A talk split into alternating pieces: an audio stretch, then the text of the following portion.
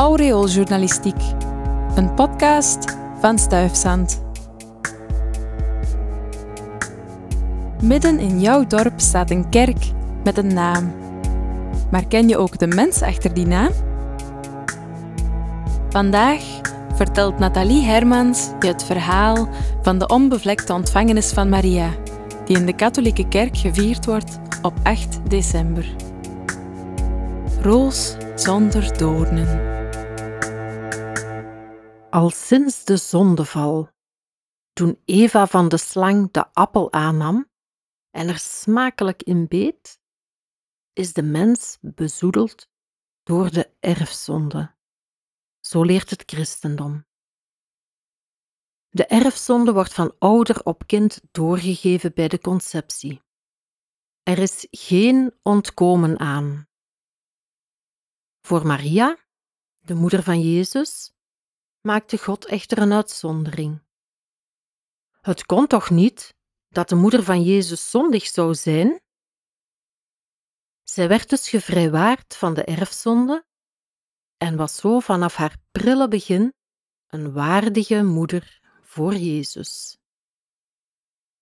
Vaak wordt ze afgebeeld terwijl ze met haar voet een slang of duivel vertrappelt.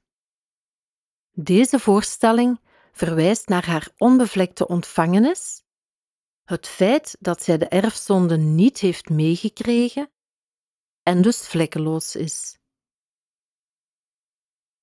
In verschillende kerken bij ons in de buurt kan je beelden bewonderen met dit thema.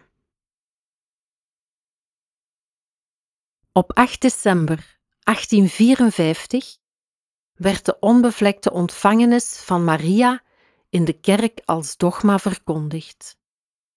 Een dogma is een leerstelling die onbetwistbaar is, een vaststaand geloofsfeit dat niet meer ter discussie wordt gesteld. Vier jaar later bevestigde Maria in eigen persoon dit dogma toen de kleine Bernadette haar in Lourdes tegenkwam en haar vroeg wie zij was. Maria antwoordde: Ik ben de onbevlekte ontvangenis. Bernadette had geen idee wat dit betekende, want ze kende deze moeilijke woorden niet.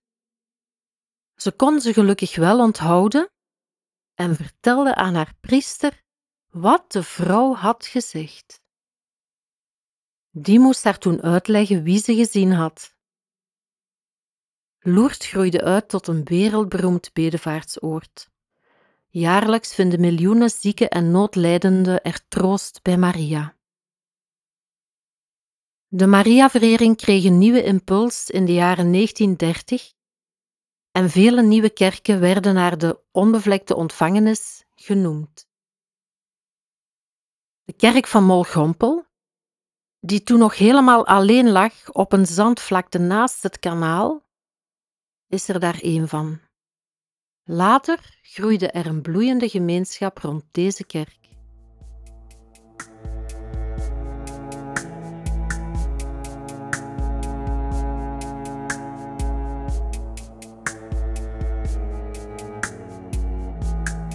Dit was een podcast van Stuifzand en de klassen Woord en Audio Engineering van de Geelse Academie voor Muziek, Woordkunst, Drama en Dans, met steun van de Vlaamse overheid.